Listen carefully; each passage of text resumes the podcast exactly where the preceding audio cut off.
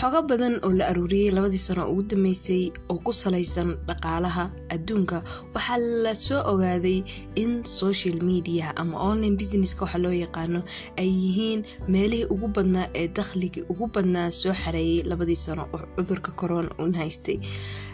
Taa waxay ku cadeyneysaa ahamiyada weyn uu dad badan noloshooda ka bedelay iyo sidoo kale sidoo anaga nolosheena saameyn ugu leeyahay. Boqolaal iyo kumaan ay dadku waxyaabood ay social media ama mataqaana online businesska kaga iibsadaan. Haddaan in yar ka hadlo faa-iidooyinkiisa intaanan u gelin xumaantiisa waxaa ka mid ah inaan anagu wax ka barano in dadka qeybtood ay ganacsiga ka abuuraan in dadku micnihii ay iskula xiriiraan oo adeerkaagii joogay mareykanka iyo eedadaadii joogtay qabri dahar labadaba aad la hadli kartid adoo jooga meel labadoodaba ka duwan. Yacni social mediaha faa-iidooyinkiisa lama soo koobi karo.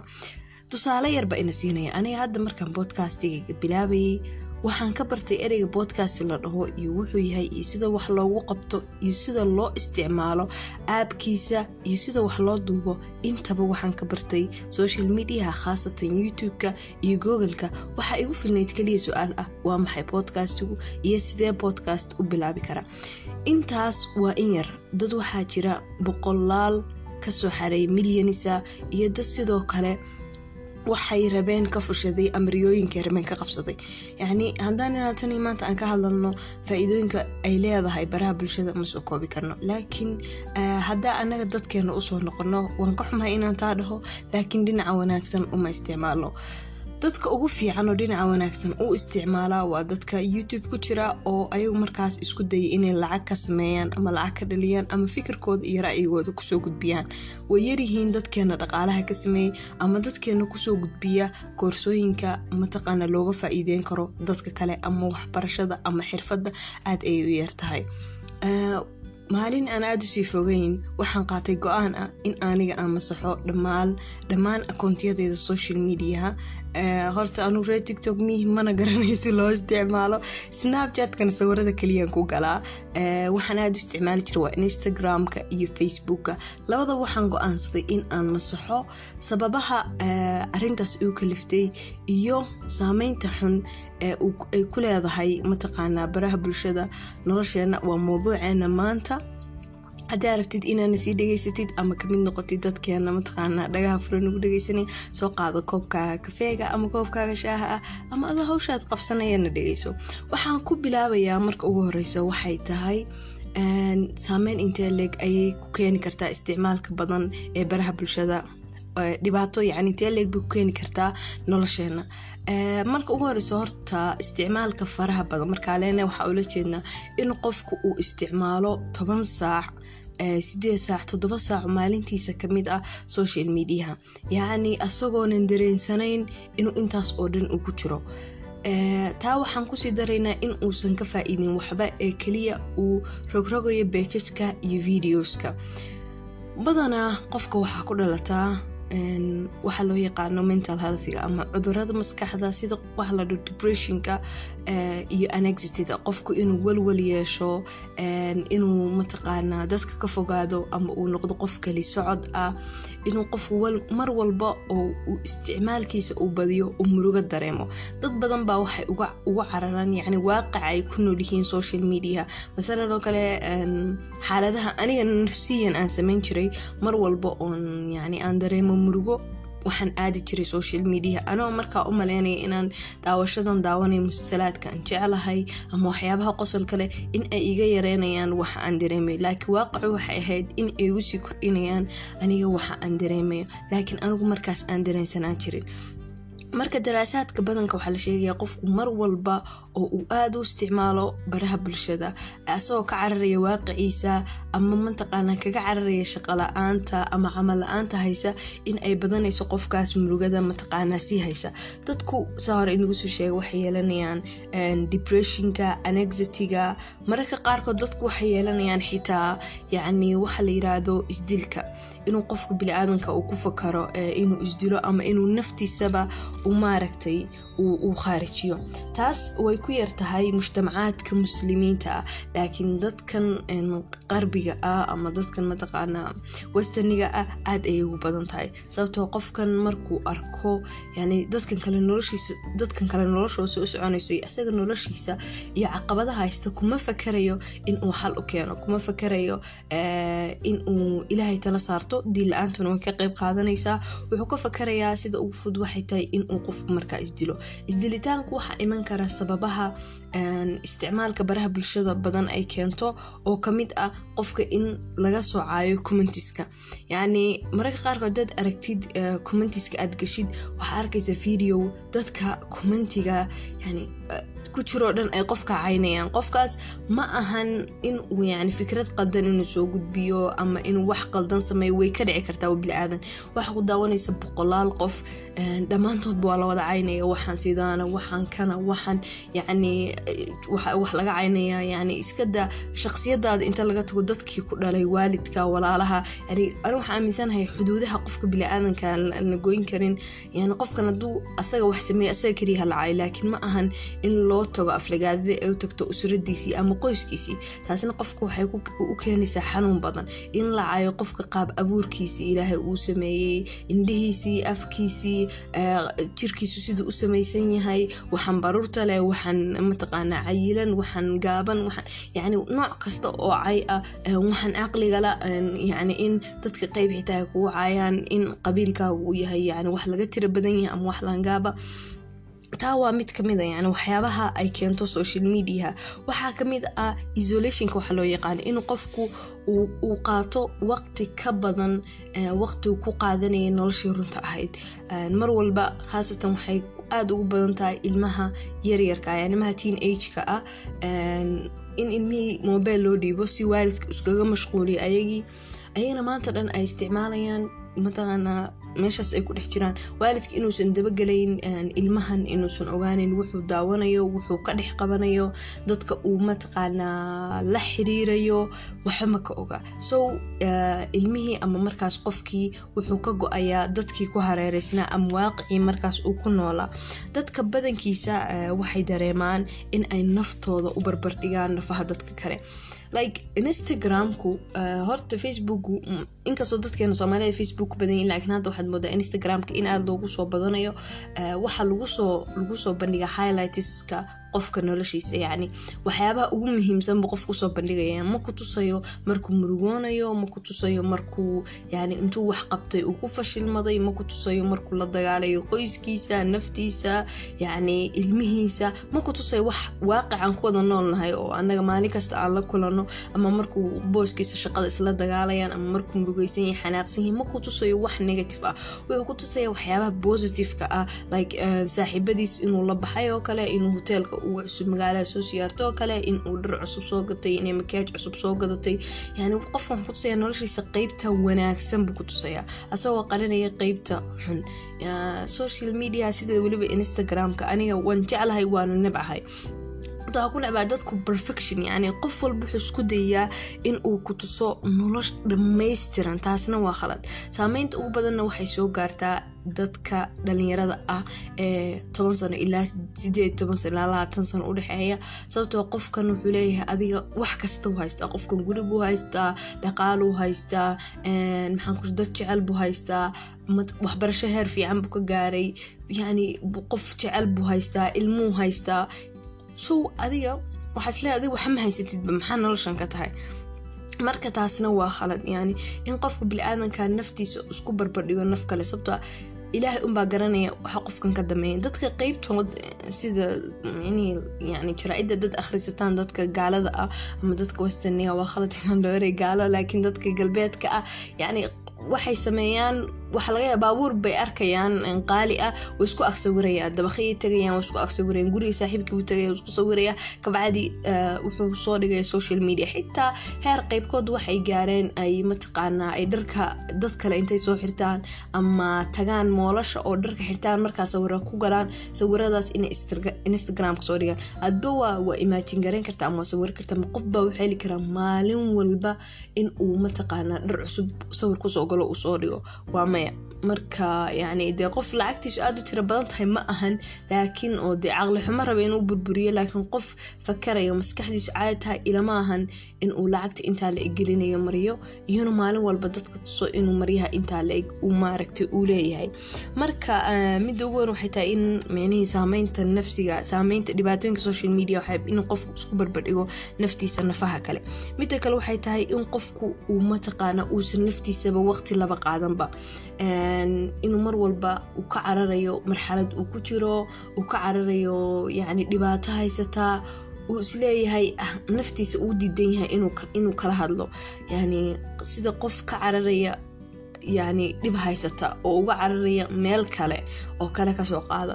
Qofku mar walba naftiisa lama fadhiisanayo waqti lama qaadanayo ilmihiisa waqti lama qaadanayo. Taa waxaa inagu filanba.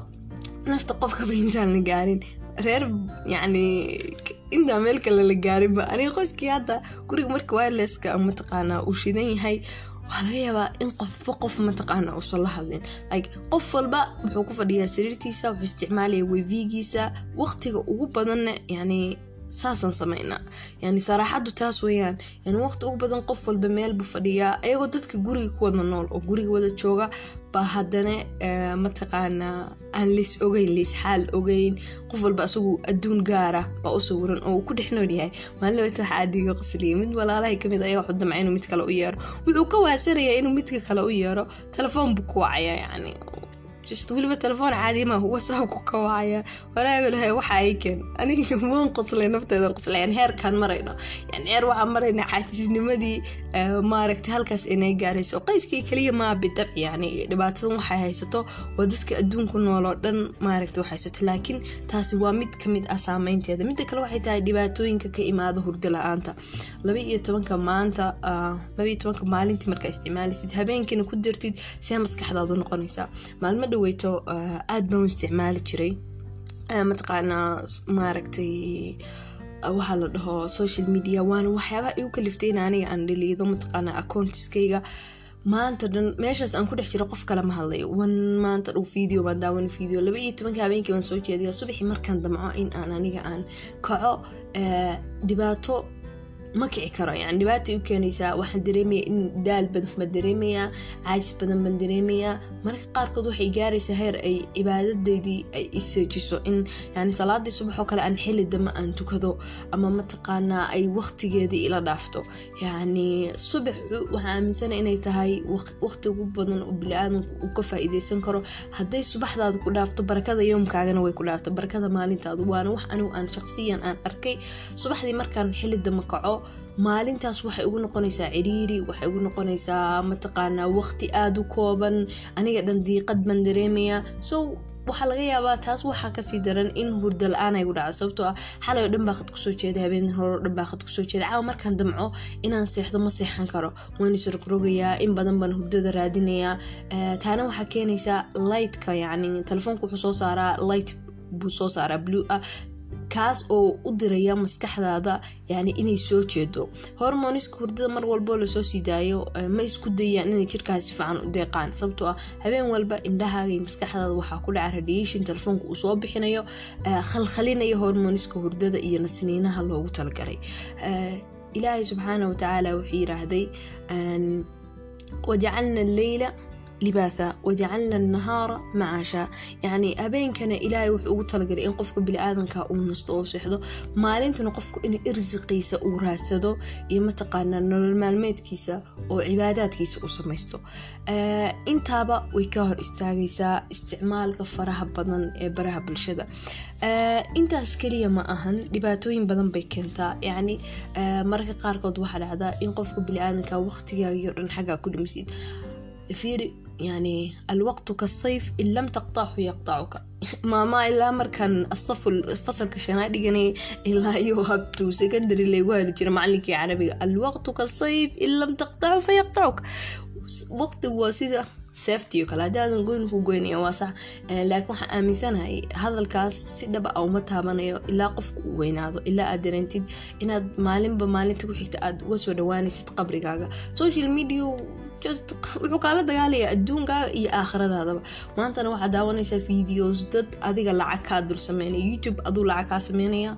Facebook aduu lacag kaa sameynaya. Instagram aduu lacag kaa sameynaya. Dadkan aad daawanaysa aday lacag kaa sameynayan wax meesha kuu daneynaya ma jirto. Marka saameyntiisa ugu badan maaragta ama saameynta xun ee baraha bulshada noo keena waxaa ka mid a waqtigii oo naga tegay. Yani saacado dhan baan waxaan ku qaadanaynaa. Wax aanan maanta dil u dhah maxaa qabanaysid garamaysid dadkii baan ka go'aynaa.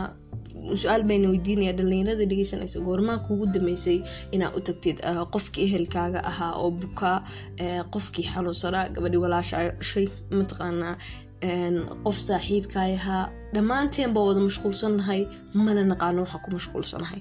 Waa midda ugu weyn oo social media noo keenta sababta qof walba telefoonkiisibaa wuxuu noqday saaxiibkiisa ugu dhowaa yani anu markaan leeyahay saameynta xune social media kuma koobayo keliya dadkeena waaweyn. Hadda mawduucan wuxuu aada u taabanaya dadkeena waaweyn laakiin waan soo sameyn doonaa xalqado saameynta uu ilmaha yararka u geysanayo saameynta uu geysanayo carruurta teen ageka ilmo yar waxaa arkaysaa laba sano jira ama sanad iyo wax oo garanaya passwordka sida loo furo hooyadiis.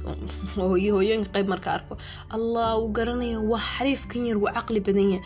Waxay u qabtaa iyado ilmihiisan ilmahaadan furaya telefoonkeeda in ay ka tahay mataqaanaa caqli badni kama aha. Ilmihii yarkaabaa xitaa wuxuu ku noqday social media addiction sababta hooyadiis yani daraasad anigu aan akhrinayay waxyaabay aadka ila yaabka badna waxayd hooyada markay aada u isticmaasho yani uurkaleeda oo aada u isticmaasho social media ilmaheeda in ay saameyn ku yeelanayso. Taas mid aan aniga filanaya ma ahan.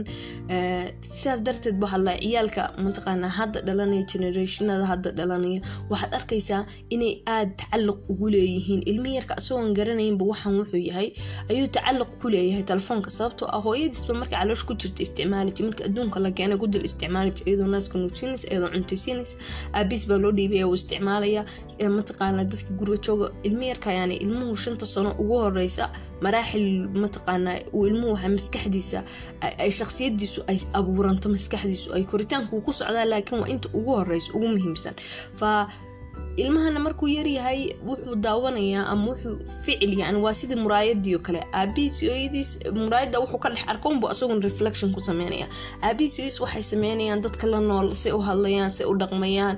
Yani asagoo just wixii buu ficil celin buu ku sameynayaa marka ma ahan ilmahaagu hadduu garanayo baasboorka telefoonkaaga ama intuu soo qaato laabtoobka uu geysanayo waxyaabaha qeybtood ma ka dhigna iyo ibadka in ilmaha uu caqli badan yahay. Se waxay ka dhigantahay ilmahaagu in uu yani ay ka dhimanayso maskaxdiisa qeybta mataqaanaa hal abuurka iyo qeybta mataqaanaa qayb ma ah laakiin inay ilmihii maskaxiis ka dhimanaysa hal abuurka iyo koritaankii saxda ahaa. Annaga waxaan ku soo kornay inaan ciidda walaaqano dhabada walaaqano oo midka walaalkeeno naga dilno maanta dhan shaaga iska cersano kubad iskaga ciyaarno yacni boombalayaal iyo caruusada iskaga ciyaarno laakiin ilmaha jooga sidaas ma ahan saameynta uu ku keenano kuma koobna keliya koritaanka maskaxda.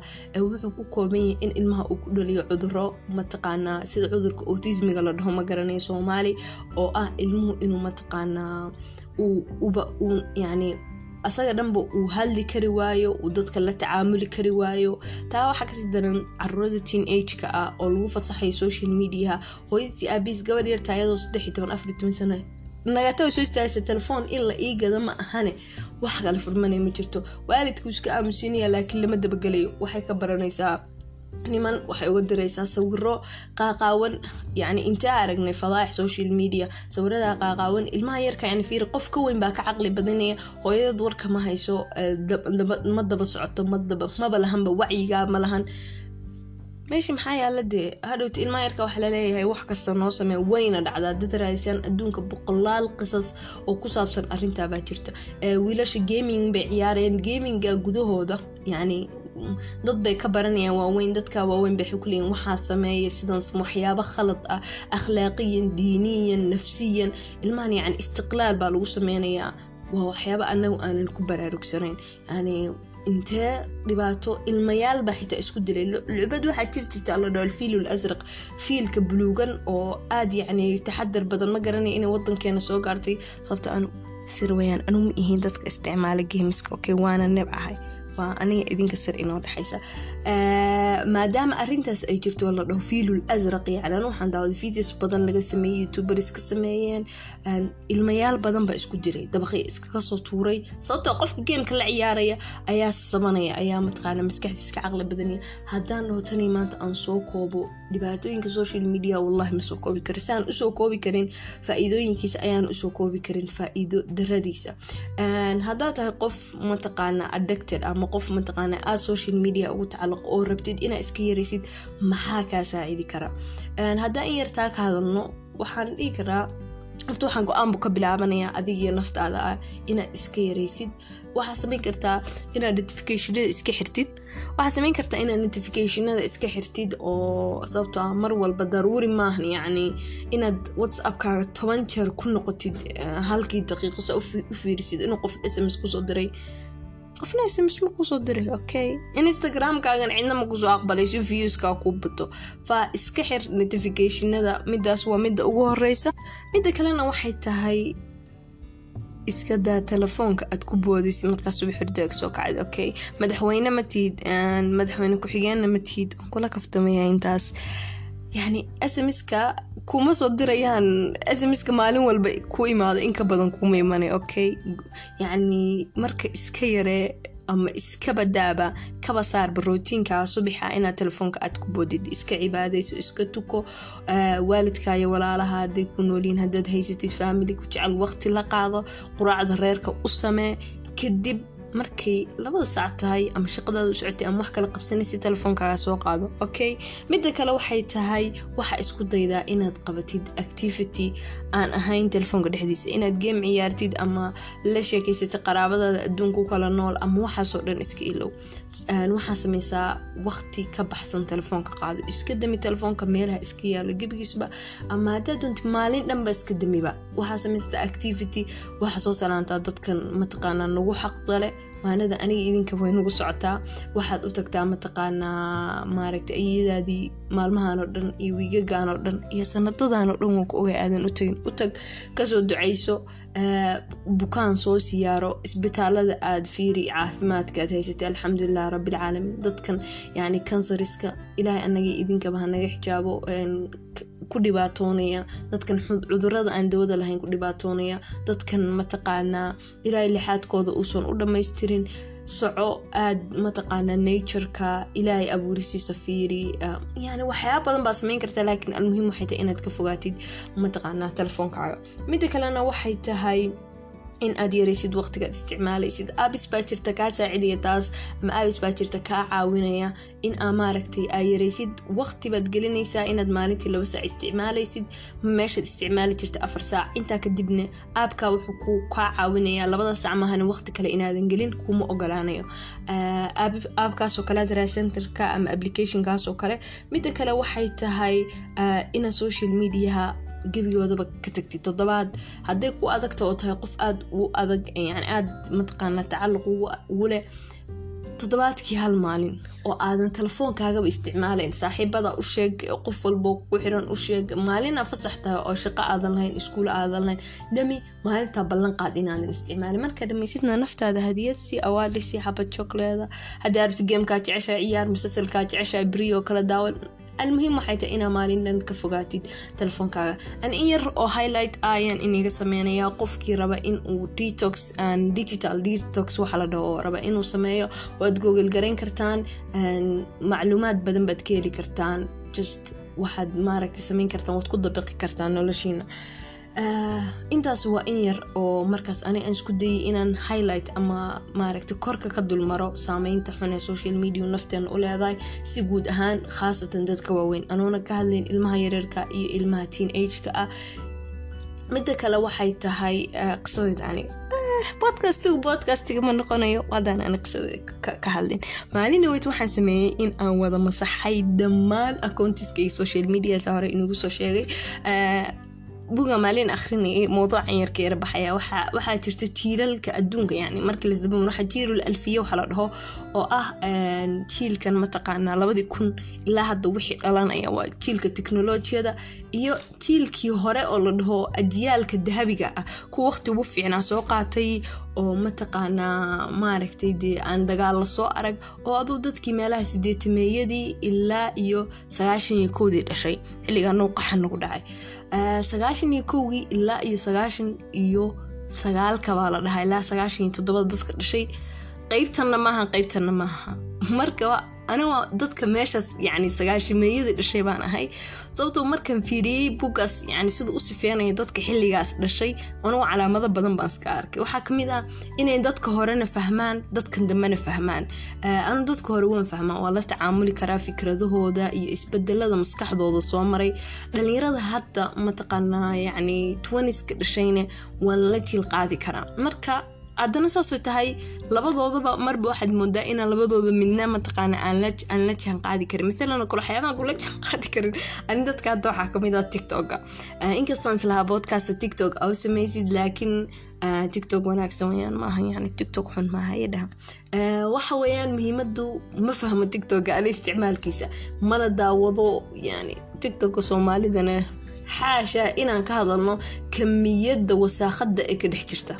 Marka ma isticmaalo mana fahmo. Snapchatkana sidoo kale sawirada kaliyaan aqaana si loo galgalo ayaa nagto qofaan asxaabnahayba wuxuu ii sheegayay in markii ugu horeysay inaan ogaado in snapchatka qofku hadduu sawir kuusoo dira wax kuusoo dira aadan la soo degi karin. Inta daawati markaa uu kaa baxay maalin dhan baan qoslay inaan yani waxaas aan jaahilad ahay. Marka almuhiim waxay tahay waxaa sheegay in anugu aan masaxay social mediahayga maxay tahay su'aasha ugu weyn? Maxay tahay sababta u masaxday weyna iga imaatay dad badan aniga saaxiibaday ah? Markaa soo bostigaray waay imaan social media oo masaxday midda ugu horeysa horta waxay tahay aniga diinteyda aniga diinteyda maxaa la jeedaa? Horta sawirada la soo dhigo sawirada la soo dhigo instagramka saameyn bay igu lahaan jirtay saameyntuna waxay tahay mar walba waxaan arki jiray yani dad noloshoodu ay aada u wanaagsan tahay. Waxaan dhihi jira omygod yani anoonan aan aada ugu barbardhigayn nolosheyda laakiin saameyn bay ugu yeelan jirtay. Qofkan yani horumar buu gaaray mashaariicuu rabuu sameeyey iimaan adig waxa maadan qabsan waxa maadan samayn. Mar walba cabashad mataqaana la taagan tahay gabadhan jirkeedu uu qurux badan yahay mataqaana uu isku dhamaystiran yahay like makiyaajka siduu marsatay aada bay qurux badan tahay. Anoo taas xaaladaas yani isbarbardhiga ku jira waxaa soo dheeraatay inaan arkay mataqaana gabdhaha ku jira instagramka. Anu yani cidna diirada ma saaray laakiin waaqican arkaan ka sheekeynaya. Yani xilliga waxaa maraynaa la yiraahday aan noqonay kaasiyaatun caariyaat yani haween asturan oo qaawan. Sababtuna waxay tahay waad arkaysaa gabar muslimad ah oo jirkeedii maaragtay fuwaal kaliya korka ama khamaar xiratay inta kale toobku jirkeedu ku dhegan yahay tafaasiisha. Yacni adaq tafaasiisha jirkeeda ayuu soo saaraya. Mataqaanaa toobka wuxuu joogaa ilaa rugaga mataqaanaa kubkeediibaa muuqda cagaheediibaa muuqda.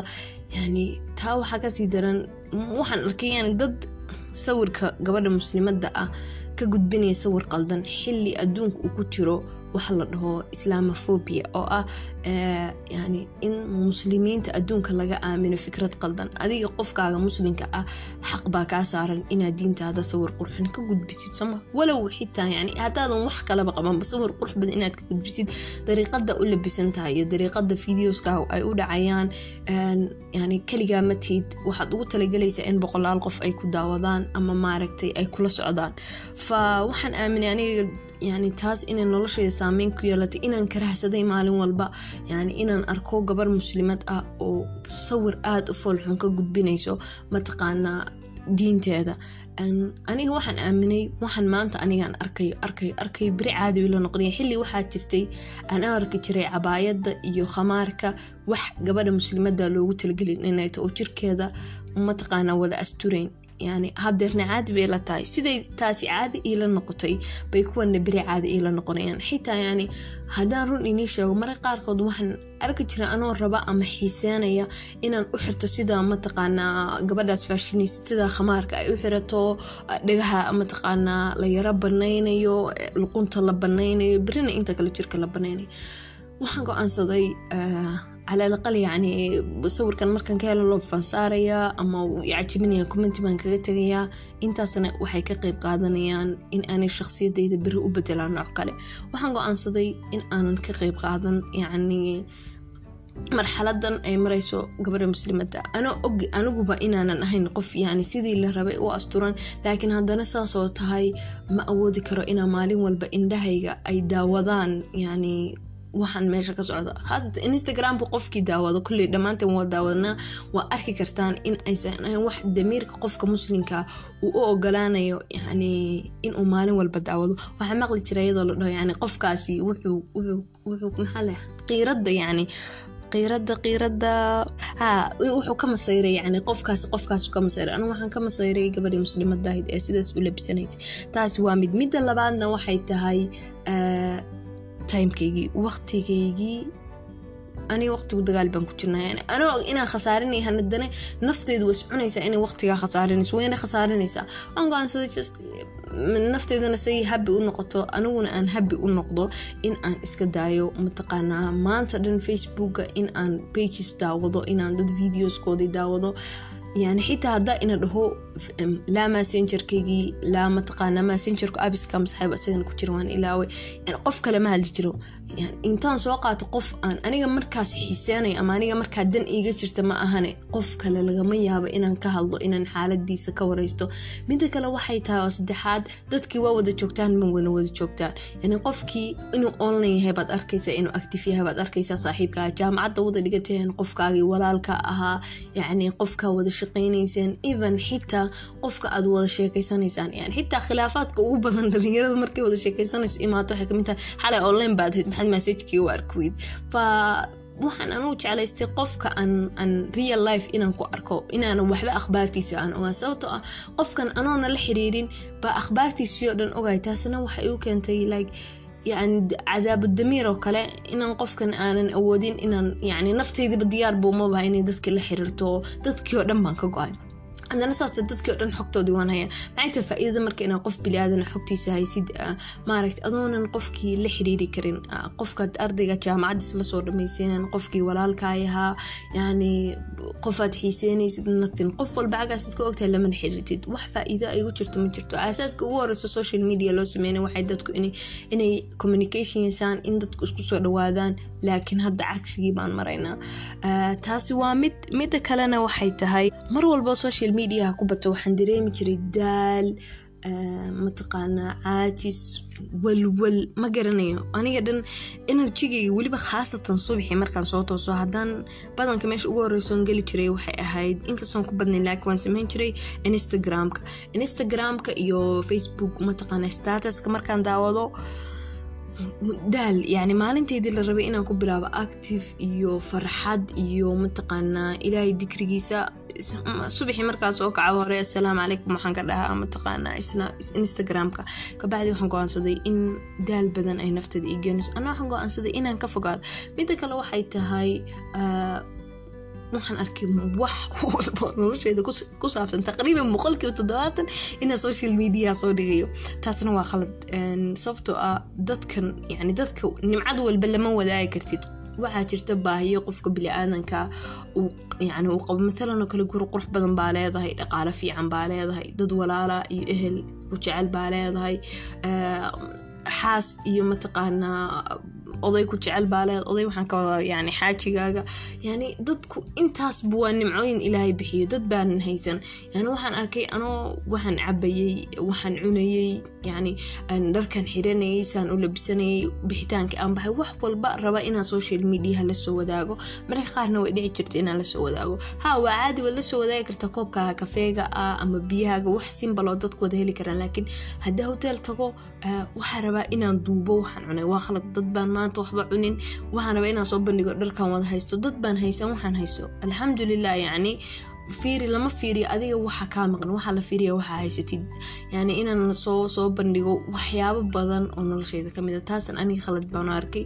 Sababtoo ah faa-iido uguma jirto cidna faa-iido uguma jirto. Ha inaan wax fiican oo positive soo gudbiyo oo dadka wax ka bedelaya oo dadka noloshoo saameyn ku yeelanaya waa fikir fiican. Laakiin kuma jirto yani qof cunto soo gudbisay iyo dharaa xiratay iyo mataqaana adoo saaxiibada la waqti la qaadanay faamiligaaga soo duubtay waxba faa-iida ma u keenayso soma ogid qof kale faa-iida uma keenayso.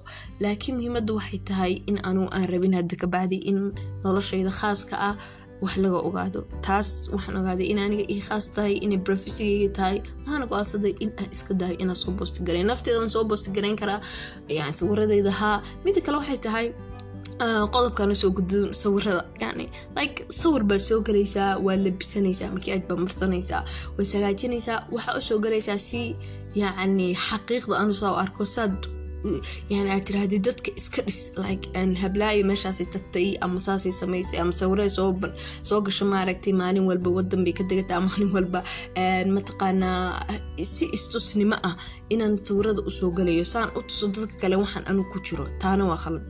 Yani maku qasbani inaan qof kale tuso anigu saa u noolahay anay tan ikhusaysaa ma ogtahay? Midda kale waxay tahay lofradis iyo likradis lofradis iyo likradis waa waxaa nuu keentay in gabdhaha nusaa aragtiin tiktoka iskugu fadiixeeyaan instagramka yani ficilada qeyb laga xishoodo damiirka oo ka naxayo in lagu soo birigsado qofkan views u helo ama daawasho u helo ama likes badan u helo. Waxyaabahaasoo dhan ka bacdi aniga waxaan go'aansaday in aan iska masaxo wax faa-iida oo aan ku haysto hadda hadaa xasuusto isticmaalka instagramka iyo facebooka iyo meel kale ma jirtaan u maleeya.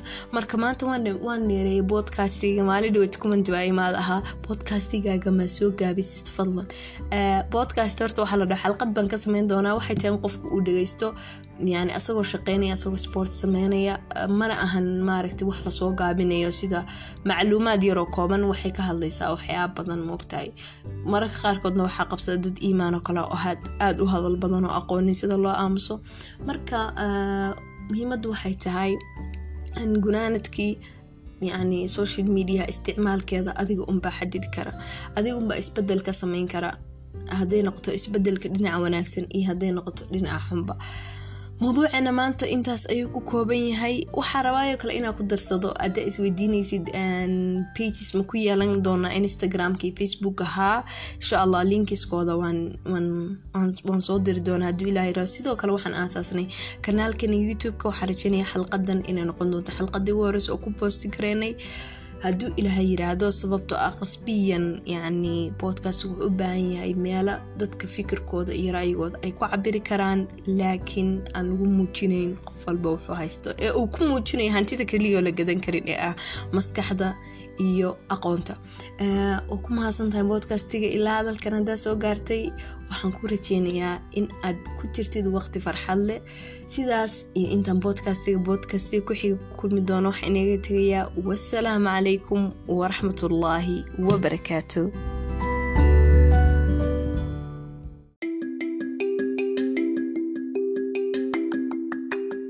Weligaa ma isweydiistay nolosheenu sidee bay noqon lahayd baraha bulshada la'aanteed? Mase og tahay in daraasaad badan ay sheegayaan in uu xiriir ballaaran ka dhexeeyo isticmaalka badan ee baraha bulshada iyo xanuunada maskaxda ah. Assalaamu calaykum waraxmatullaahi wabarakaatu asdiqaa'i ku soo dhawaada kaafayiin podcast. Waxaynii soo jeedinaysa anigoo imi. Maanta xalqadeennana waxaan in yar ka taabanaynaa saameynta xun ee baraha bulshadu u keeno nolosheenna